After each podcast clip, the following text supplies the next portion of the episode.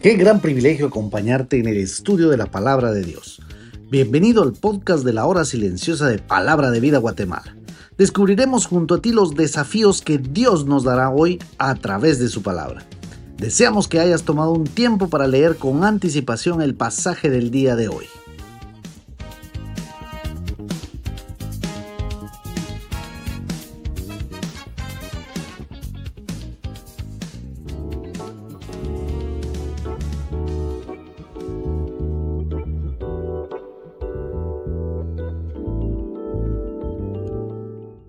Qué gusto es saludarlos nuevamente en el comentario de la hora silenciosa.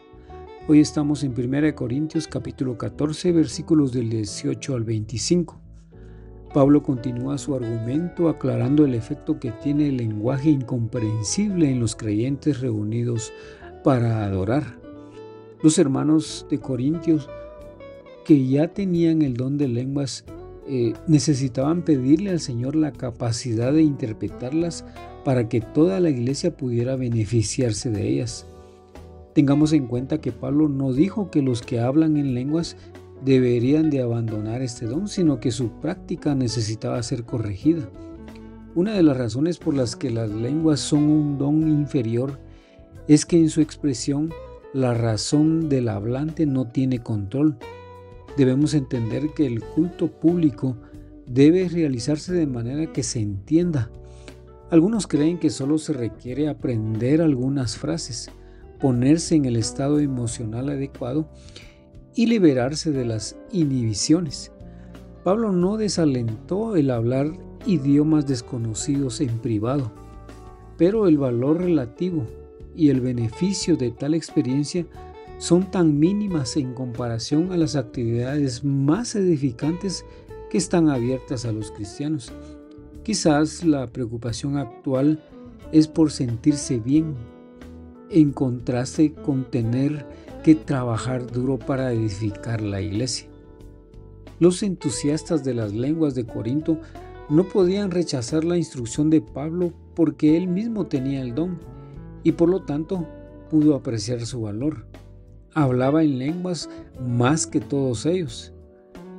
Prefiero hablar cinco palabras con mi entendimiento para enseñar también a otros que diez mil palabras en lenguas desconocidas, dijo Pablo en el versículo 19. Creía en la validez del regalo, pero no, valoraba, no lo valoraba mucho. La instrucción de Pablo para la edificación de la iglesia que estaba reunida para el culto era diez mil veces más importante que el júbilo privado personal. La edificación del cuerpo es, eh, por supuesto, el gran propósito de Dios para los cristianos de hoy. Jesús lo dijo en Mateo capítulo 16 y verso 18. No seáis niños en vuestro modo de pensar, dice en el verso 20. Algunas personas tienen la idea de que hablar en lenguas es una evidencia de madurez espiritual, pero Pablo enseñó que es posible ejercitar el don de una manera no espiritual y también inmadura. Hay un sentido en el que es bueno que los cristianos seamos como niños, en nuestra inocencia con respecto al mal.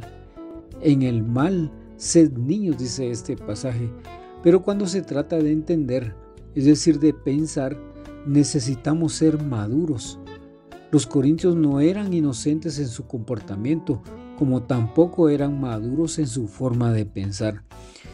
Es preciso entonces reflexionar con base al contexto bíblico.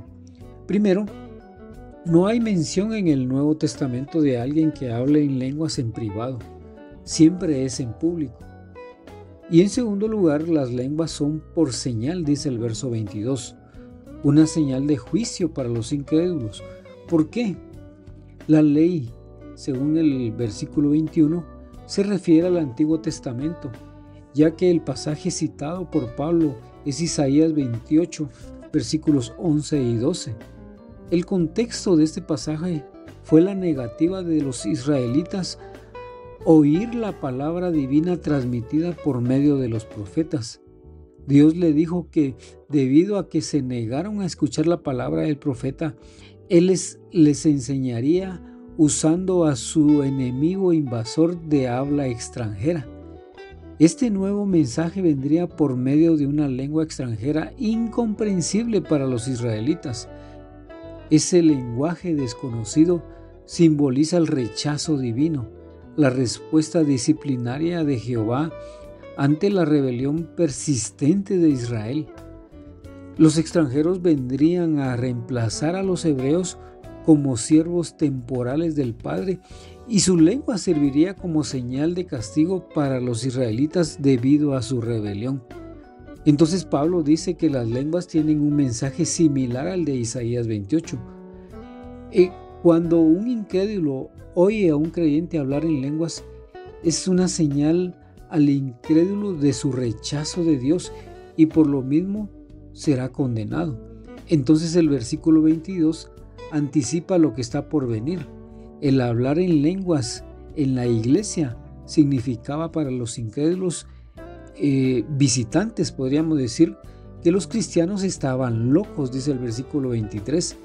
Esta clase de conducta no ayudaba al avance de la causa de Cristo en Corinto, según dijo el, el apóstol. Las lenguas eran de provecho en una reunión de creyentes solo si se interpretaban. Parece que este no era la costumbre de la iglesia en Corinto. En lugar de hacerlo lo, enseñado, daban rienda suelta a las lenguas y como resultado los convertidos, quienes poseían otros dones, quedaban perplejos ante la conducta de quienes llevaban a cabo esa actividad.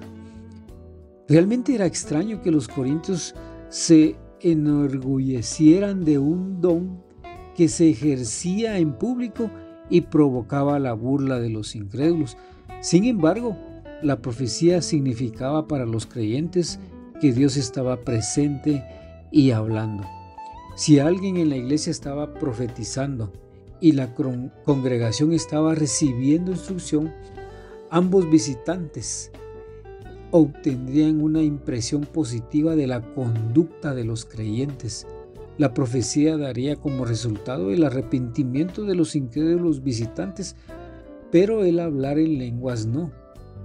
Para resumir, Pablo permitió solo declaraciones que puedan ser comprendidas o entendidas cuando la iglesia se reunía para adorar, porque edificaban a los creyentes y llevaban a los perdidos a la convicción de su necesidad de salvación.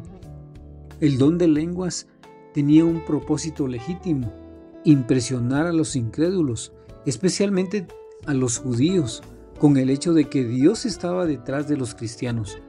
Consideremos también que hablar en lenguas era una característica de algunas de las religiones mistéricas griegas paganas por lo que no habría causado una impresión tan grande en los griegos como lo hizo en los judíos. Por eso, vívelo. Enseñar la Biblia, la palabra profética de Dios, con claridad a sus oyentes en su propia lengua, produce edificación, produce también exhortación y consolación.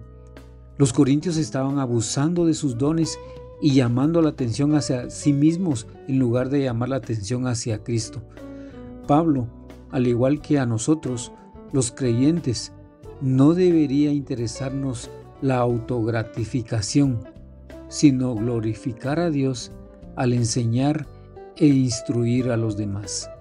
Mi nombre es Carlos Bo y esperamos como siempre que esta palabra cumpla sus propósitos en tu vida. Bendiciones.